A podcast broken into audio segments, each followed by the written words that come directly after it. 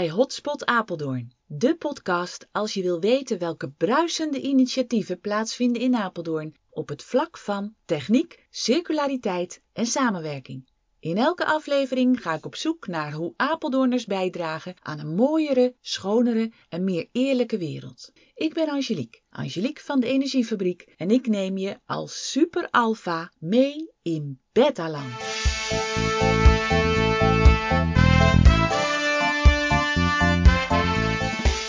In de komende twee afleveringen spreek ik met technisch ingenieur Marcel van der Maal. Marcel is gespecialiseerd in energievraagstukken en werkt mee aan de regionale energietransitie. Opgegroeid in Afrika weet hij als geen ander dat de vanzelfsprekendheid van de altijd aanwezige energie een westerse luxe is.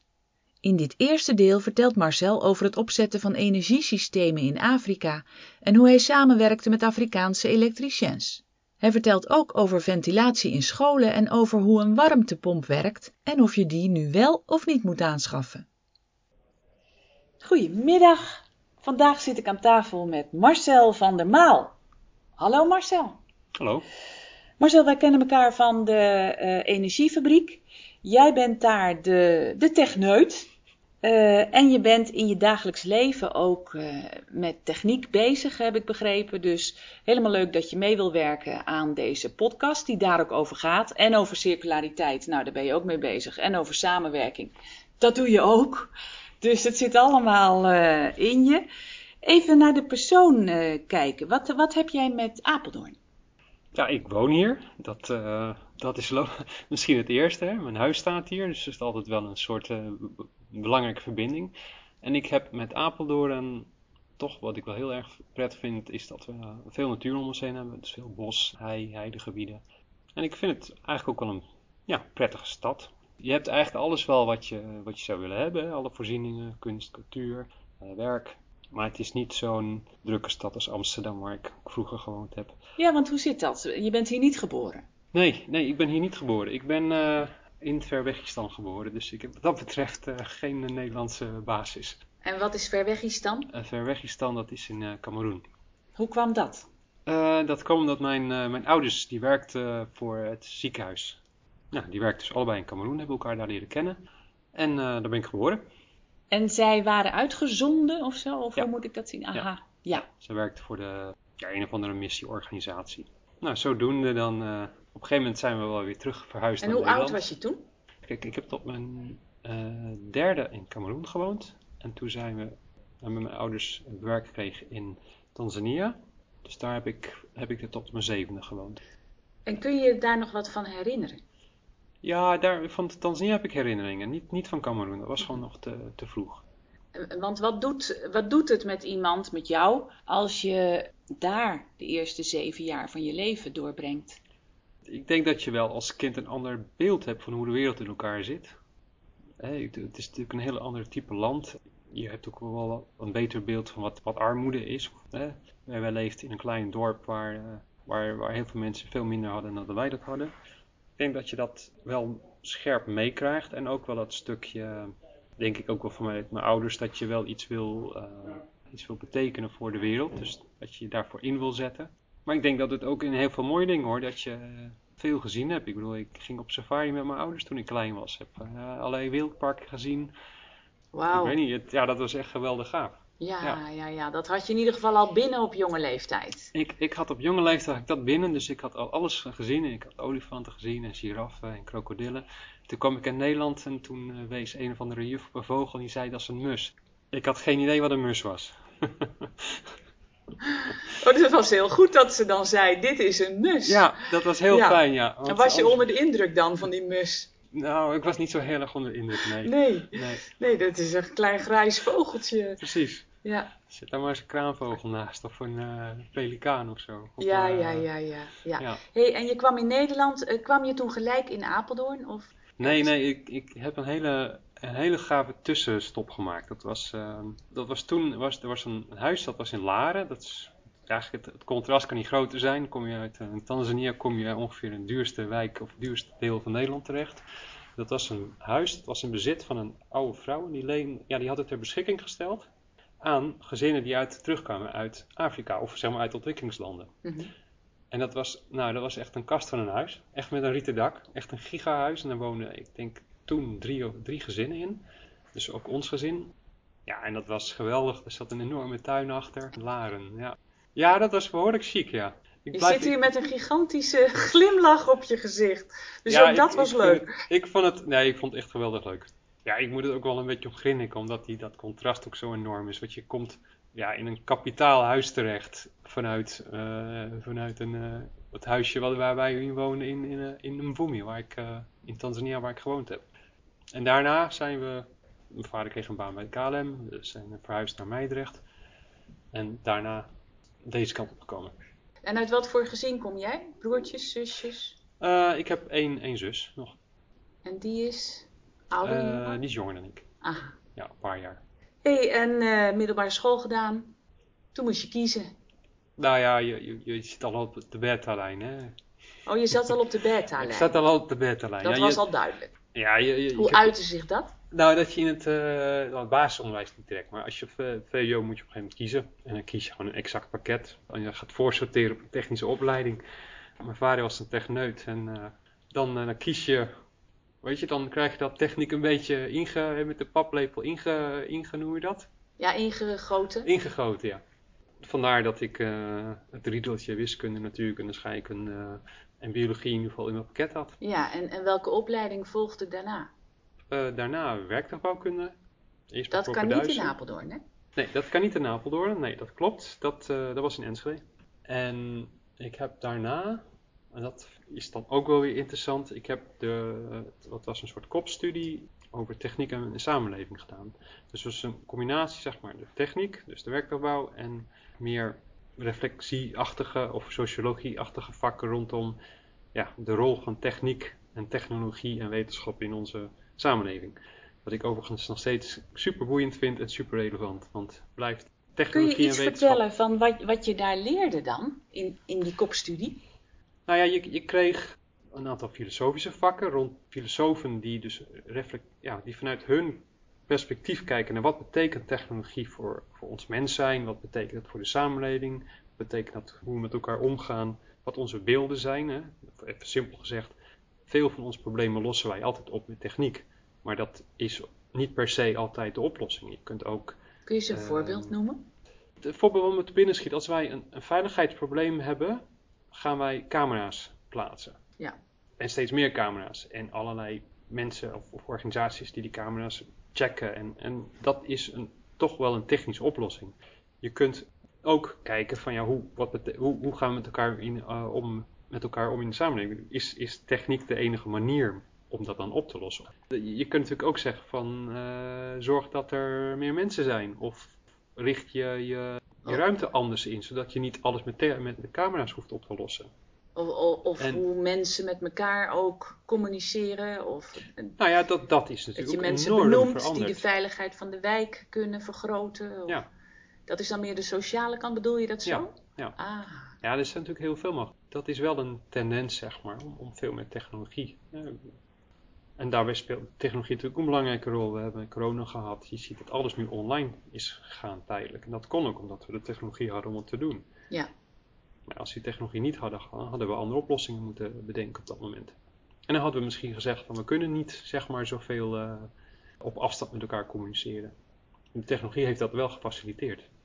En als dat er helemaal niet was geweest, wat, wat was er dan gebeurd? Ja, dan, dan had je waarschijnlijk gehad, ik noem maar, dat, dat we toch gedwongen waren geweest veel meer contact te hebben. Of hadden we misschien uh, ruimtes... schrijven. Ja, bijvoorbeeld. Ja, brieven schrijven of ruimtes gecreëerd waar je veel, waar, ja, niet direct met elkaar in contact bent, maar wel een soort uh, verbinding met elkaar kan hebben. Wat dat betreft zijn we creatieve wezens, dus uh, dat komt meestal wel weer goed. Ja, dus je hebt die werktuigbouw gedaan en een kopstudie erbij. Mm en wat gebeurde er toen? Dan ben je klaar op een gegeven moment, of niet? Op een gegeven moment uh, ben je klaar, dan, dan heb je je papiertje en dan mag je je ingenieur noemen. Toen was het, uh, het, het werk zoeken begonnen en dat was uh, ja, 98 of zoiets. Dus het was nog wel, nou ja, de markt, zeg maar, de arbeidsmarkt was best nog wel krap toen. Dus ik heb nog wel een tijdje gesolliciteerd en toen kwam ik op een gegeven moment aan, kon ik beginnen als installatieadviseur bij een bedrijf in Rotterdam. Die met name verlichting of de, zeg maar, de technische installaties, zeg maar de verwarming en de koeling en de ventilatie het advies maakte voor, eigenlijk voor gebouwen, maar meer specifiek eigenlijk wel voor scholen. Voor scholen? Ja, dat was hun specialiteit. Ze hadden heel veel scholen als, als opdrachtgever. Ja. Is daar een, een noemer in bij scholen? Van het is bij scholen altijd belangrijk? Nou ja, bij scholen heb je natuurlijk altijd relatief grote klassen, dus uh, ventilatie is belangrijk. Nou, ja, nu helemaal Ja, precies, nu helemaal. Dan moet ik wel zeggen dat de, de richtlijnen wel vrij uh, laag waren. Als je kijkt naar ventilatie, wil, wil je nou, volgens de normen, de huidige normen, echt voldoende lucht ventileren, dan heb je eigenlijk gewoon uh, stevige luchtinstallaties nodig, luchtbehandelingsinstallaties. En, en, ja, en die hebben ze niet? Nou, die hebben ze wel, maar het is uiteindelijk ja, heel plat, uiteindelijk gewoon een geldissue. Mhm. Dat is één ding. En het tweede is dat, ja, dat is misschien wel leuk toen, uh, toen ik bezig was.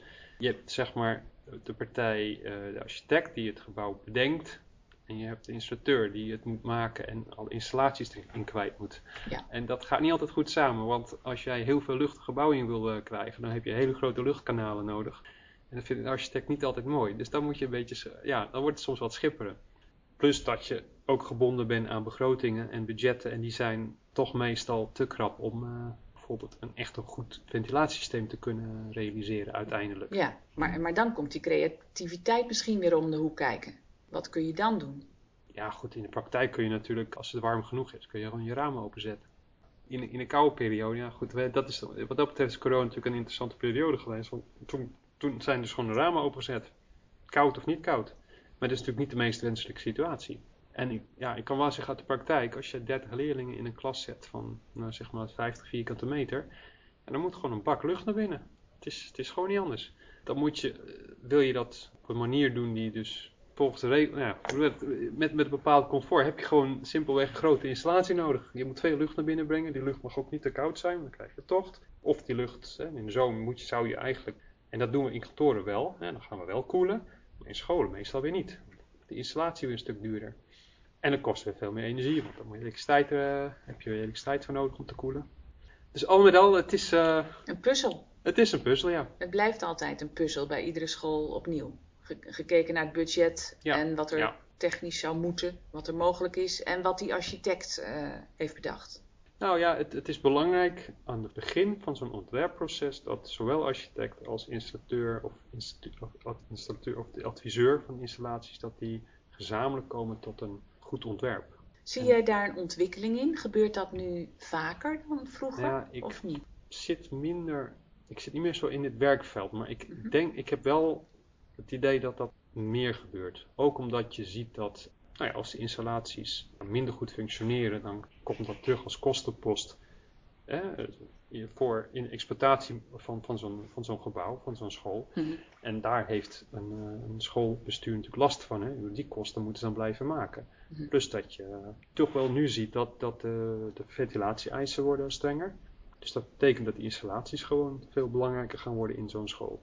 En dat betekent daarmee dus ook dat het accent van een mooi gebouw, laat ik maar zeggen, naar ook een gebouw dat echt functioneel is en uh, goed ingericht is voor het doel waar, waarvoor het gemaakt wordt, namelijk goed onderwijs kunnen nou, faciliteren. Ja, in veilige lucht, zullen we in veilige, zeggen. Ja, in veilige lucht. Ja, dat zou je na corona zou je dat wel zo gaan zeggen. Voor corona eh, had je dat misschien gezegd, dat is een beetje bedompt, maar nu wordt, uh, nu wordt het accent echt wel anders. Ja. Dus dat waren de scholen. Maar je hebt nog weer andere dingen gedaan.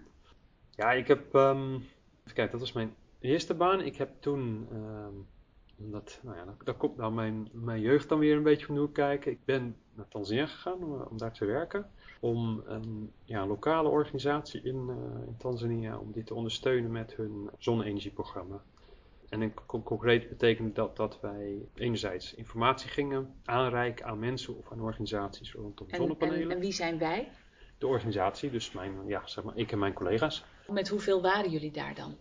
Iets van 15 mensen, die dus op allerlei verschillende dingen hoor. Dus een beetje op een, paar mensen op energie, mensen op, ja dat heet charcoal, houtskoolkacheltjes. die dus efficiënter waren dan hout, uh, hout verbranden. Omdat erosie is best een probleem daar. Dus je probeert wel die, die uh, zo efficiënt mogelijk kunnen gaan koken. En dat kon het met, als je met houtskool werkt. Waarbij je dus ook nog een keer zorgt dat er uh, boomplantenprogramma's zouden komen. Dus dat, dat hele pakket, zeg maar, daar waren ze mee bezig. Dus bomen planten, houtskoolkachels, energie, zonne, zonne-energie.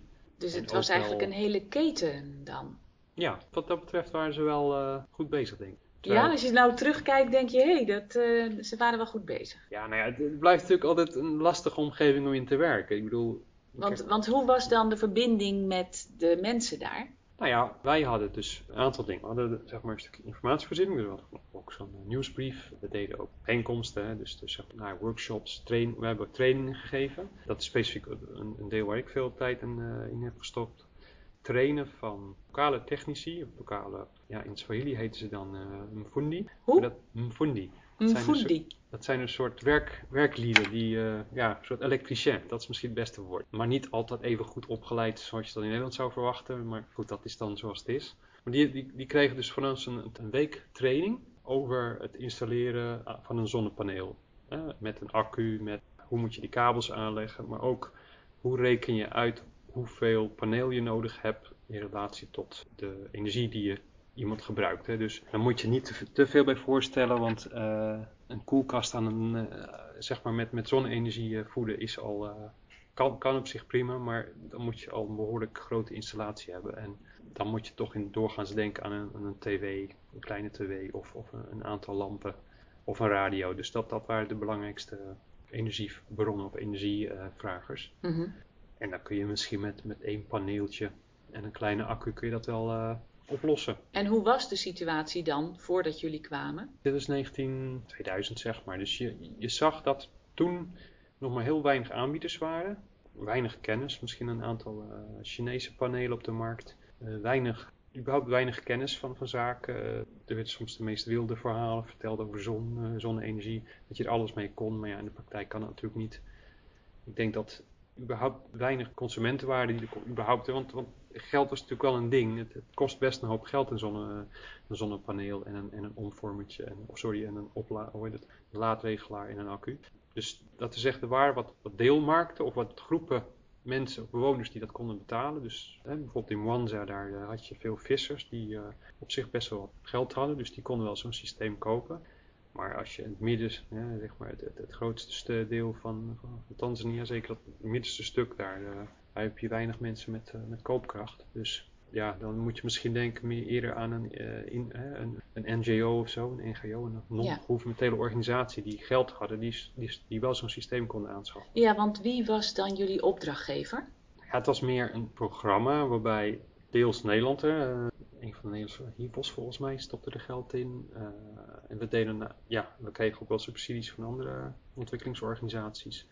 Waren eigenlijk een beetje onze opdrachtgevers, waarbij je mee, samen met hun dan een soort programma maakt. Ja, met, ja. laat zich afspraken over wat je, wat je gaat opleveren. En in ons, ons geval was dat dan uh, nou, die trainingen, maar ook informatie aanreiken. We hebben een aantal kleine installaties uh, neergezet. Een dispensary, wat dan in het Nederlands vertaald als een soort lokaal ziekenhuispost. Waar dan gewoon geen, niks was. Kliniekje. Geen kliniek. Geen licht, geen, of tenminste geen stroom. Dus ze hadden gewoon geen stroom? Geen stroom. Oké. Okay. Ja. Nee, je hebt grote stukken waar uh, gewoon geen stroom is. Eigenlijk alles buiten de stad. Niks. Niks. Zon? Trouwens, trouwens waar wij wonen hadden we ook misschien later wel een aansluiting, maar in het begin hadden we gewoon een generator. Mm -hmm. En die moest dan overdag aan en s'avonds uh, was het uit. Ja, precies. En dan was het donker. Ja. Ja. En dan ging je slapen. Dan ging je slapen. ja. Lekker duidelijk. Maar ik ben heel benieuwd hoe dat dan is um, afgerond. Wat hebben jullie achtergelaten daar? Is het nog in gebruik? Wat ik weet is dat een aantal technici of elektriciens die zijn echt wel verder gegaan. En die hebben, ik weet in Mwanza hebben we een partij getraind. Die heeft ook echt een business opgestart met zonnepanelen. Ik denk dat die nog steeds in business is, maar dat weet ik niet zeker. En natuurlijk is de situatie veranderd. We zijn tijd terug wel met vakantie geweest. En toen kon je echt wel zien dat er steeds meer winkels, ook langs de weg, waren die zonnepanelen verkochten. Dus ik denk dat er veel Chinese spullen op de markt zijn. Dus die, die ontwikkeling is wel verder gegaan. De prijzen zijn natuurlijk veel, uh, veel verder naar beneden gegaan. Ik denk, ik denk dat wij onze steentje hebben kunnen bijdragen. Ik dan in mijn rol en, ja, en dat de tof. organisatie. Ja. ja. Heb je daar dan ook gewoond, een poosje? Ja, ja, ik heb... Uh, Hoe lang was dat? Ik heb 2,5 jaar uh, in Tanzania. Wow, met je hele gezin of had je nog geen nee, gezin? Nee, nee, ik was toen nog uh, vrij. Oh, oké, ja.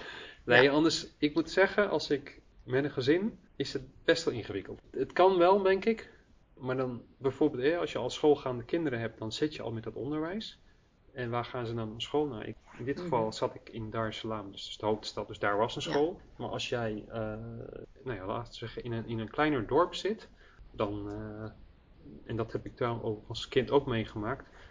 Mijn ouders woonden in een klein dorpje en ik ging naar de Doma naar school. Dus ik zat door de week in de Doma op school. In de wat? De Doma, dus de... Oh, de Doma. Dodoma, ja, dat is de, dat die stad. Maar goed, je, je, je krijgt dan een situatie dat je dan uh, al op een jonge leeftijd niet meer bij je ouders zit. Dat was niet zo leuk altijd. Maar goed, dat is ook wel een belangrijke reden geweest voor mijn ouders om op een gegeven moment te zeggen van uh, we gaan terug naar Nederland. Oké. Okay. En toen daar weer door. En toen hier weer door. En maar, toen weer ja, en toen weer terug.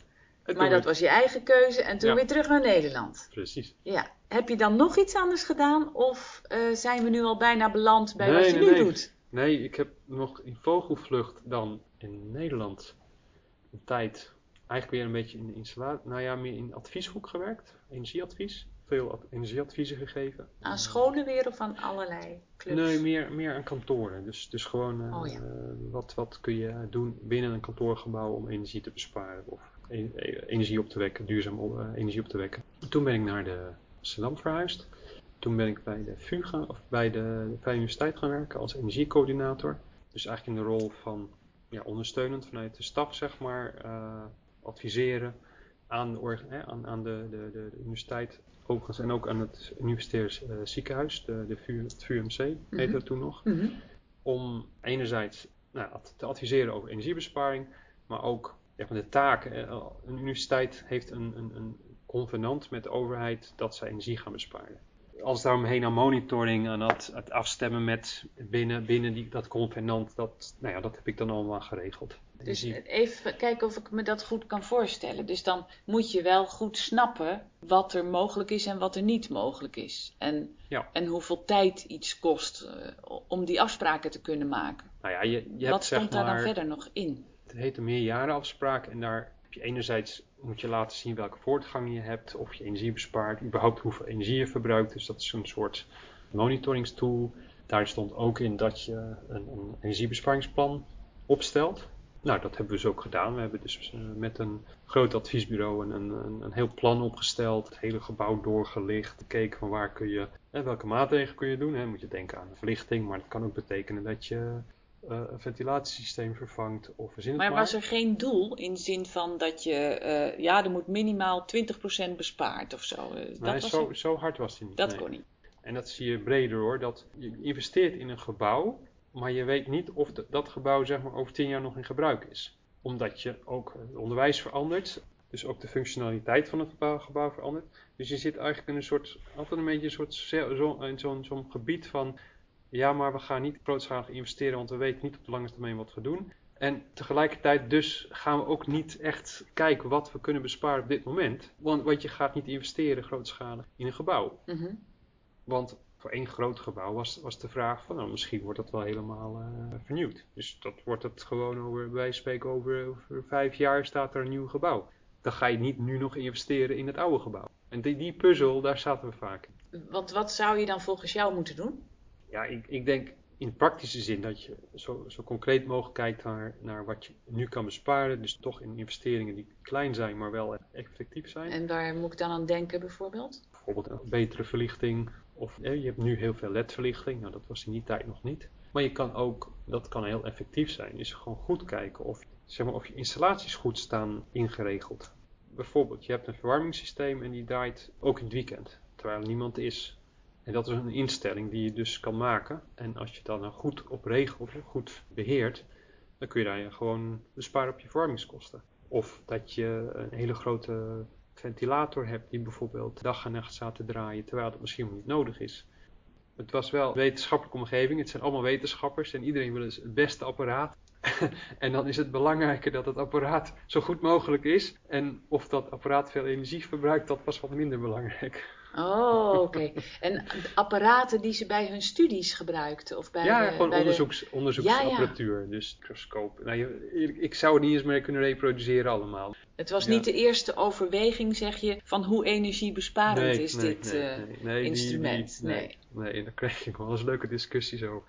Maar moest jij die discussies ook voeren? Of eh, hoe was jouw, waar was jouw rol dan precies? Wat... Nou, ik moest toch met name met de beheerder. Je, je had verschillende afdelingen. Je had een afdeling die gebouwbeheer. Mijn, dat was mijn eerste gesprekspartner.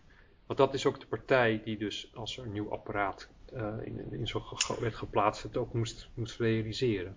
Ja, het is ook wel logisch dat in een wetenschappelijke omgeving uh, veel apparatuur wordt gebruikt. Mm -hmm. Alles van uh, spectrometers, uh, min 80 vriezers, zo ook nu bekend. Nou, mm -hmm. daar hadden we ook een batterij van staan. Allerlei onderzoeksapparatuur. Maar ook apparatuur om te zorgen dat bepaalde, een bepaalde klimaat was, een bepaalde temperatuur. Er was ook een soort kassencomplex was er, met speciale aangepaste planten. En er was een een, was een centrum waar ze reactief materiaal maakten voor medisch onderzoek. Dat werd mhm. in, uh, in Amsterdam uh, bij de VU gemaakt. Ja. En er was ook een heel centrum nog. Dat was natuurlijk gewoon, daar gaat die productie, staat voorop. Mm dat, dat, is gewoon nodig voor, uh, voor kankeronderzoek. En waarschijnlijk was er ook niet eerder nog nagedacht over energiebesparing. En dat is misschien wel een van de grote lastige dingen, is dat heel veel van die gebouwen en heel veel dingen zijn bedacht in een, in een tijd dat aardgas uh, heel goedkoop was en, en, heel erg voorradig was. En elektriciteit ook, tegen een relatief lage prijs. En dus werd iets neergezet. Ik bedoel, er zijn natuurlijk, we hebben in het verleden gebouwen neergezet met enkel glas en amper isolatie. Dat zou je nu niet meer doen. Ik bedoel, de normen zijn natuurlijk ook enorm veel zwaarder geworden. Even een heel andere vraag.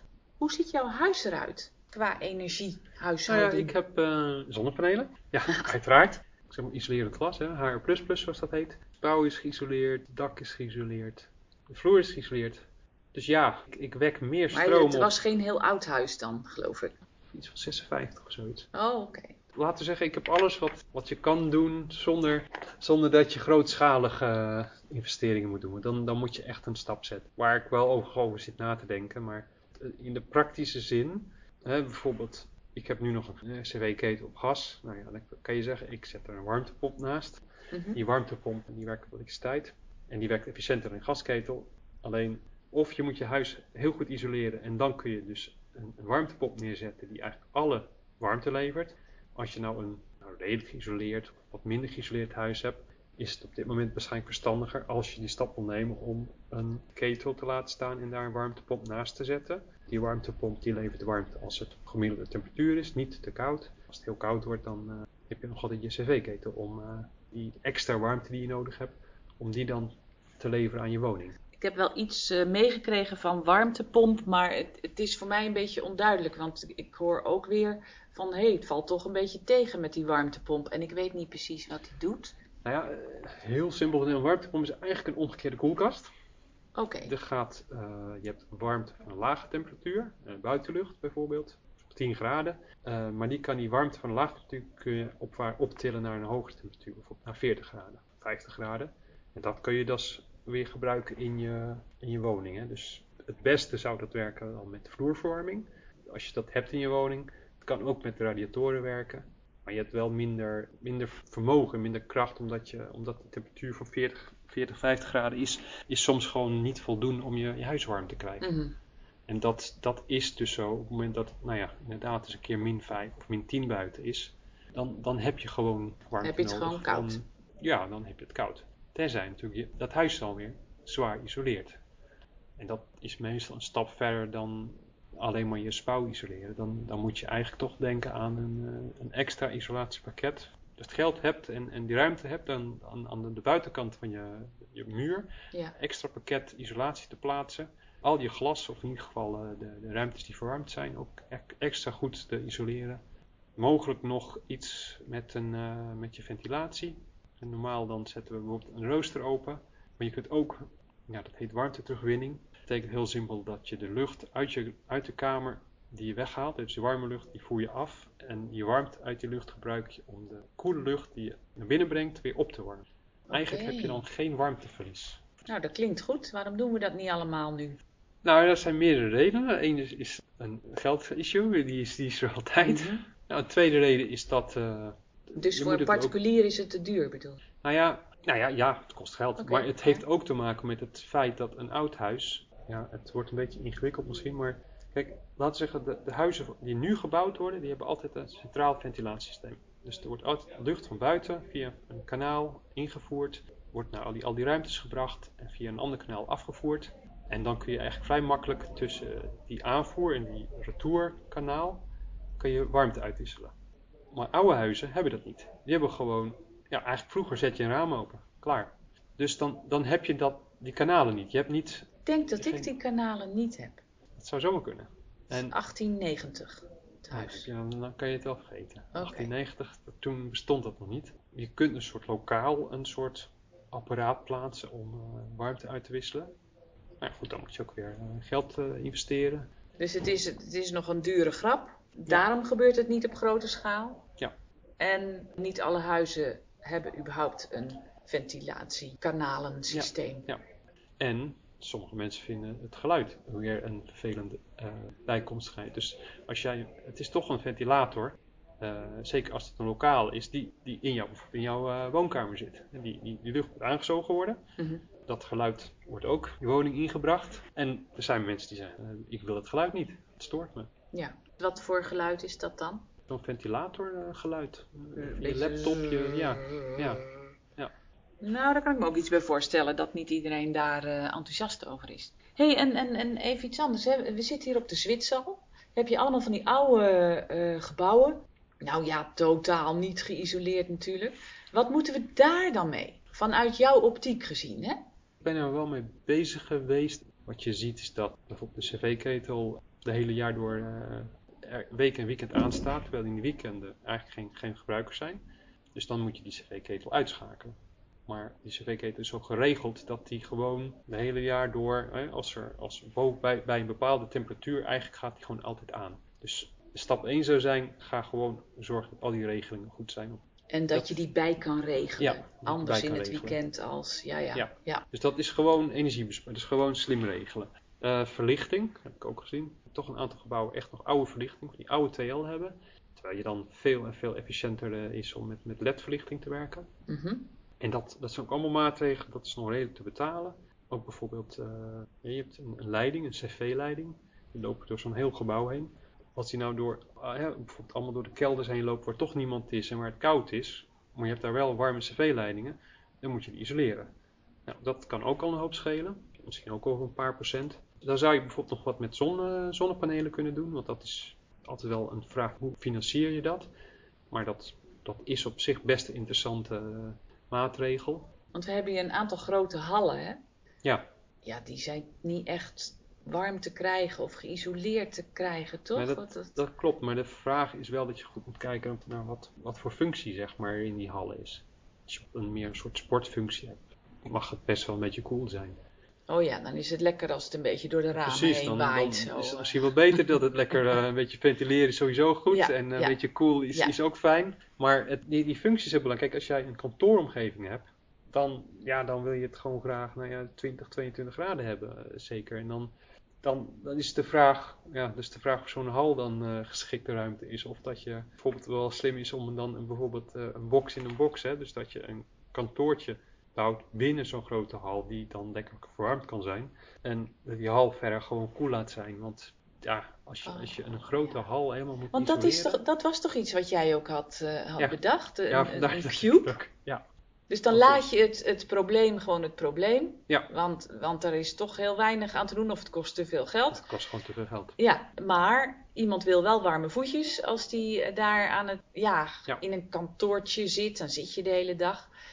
En dan bouw je gewoon een klein houten kubusje eromheen wat je kan verwarmen en afsluiten. Ja, dan maak je als het ware een soort kantoorunits of zo. Die, die verwarmd zijn. Of misschien zelfs gekoeld zijn. Hè? eh, Dat kan in principe natuurlijk ook.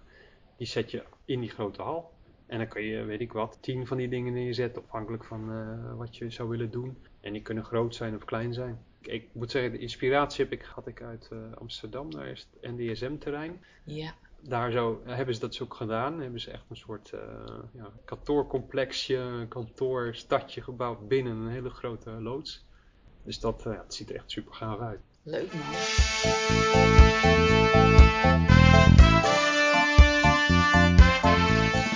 Dankjewel voor het luisteren naar Hotspot Apeldoorn. Helemaal top. Wil je geen aflevering missen? Abonneer je dan op Hotspot Apeldoorn via je podcast app. Als je ook vindt dat er meer techniek, circulariteit en samenwerking in de spotlights mag komen, laat dan alsjeblieft een review achter op de podcast-app die jij beluistert. Heb je zelf ideeën voor deze podcast of heb je misschien een inzicht opgedaan dat je wilt delen? Helemaal leuk, laat het me weten. Mail naar hotspotapeldoorn@gmail.com en dan is pot met de D van podcast. Nogmaals super dank voor het luisteren en tot de volgende aflevering.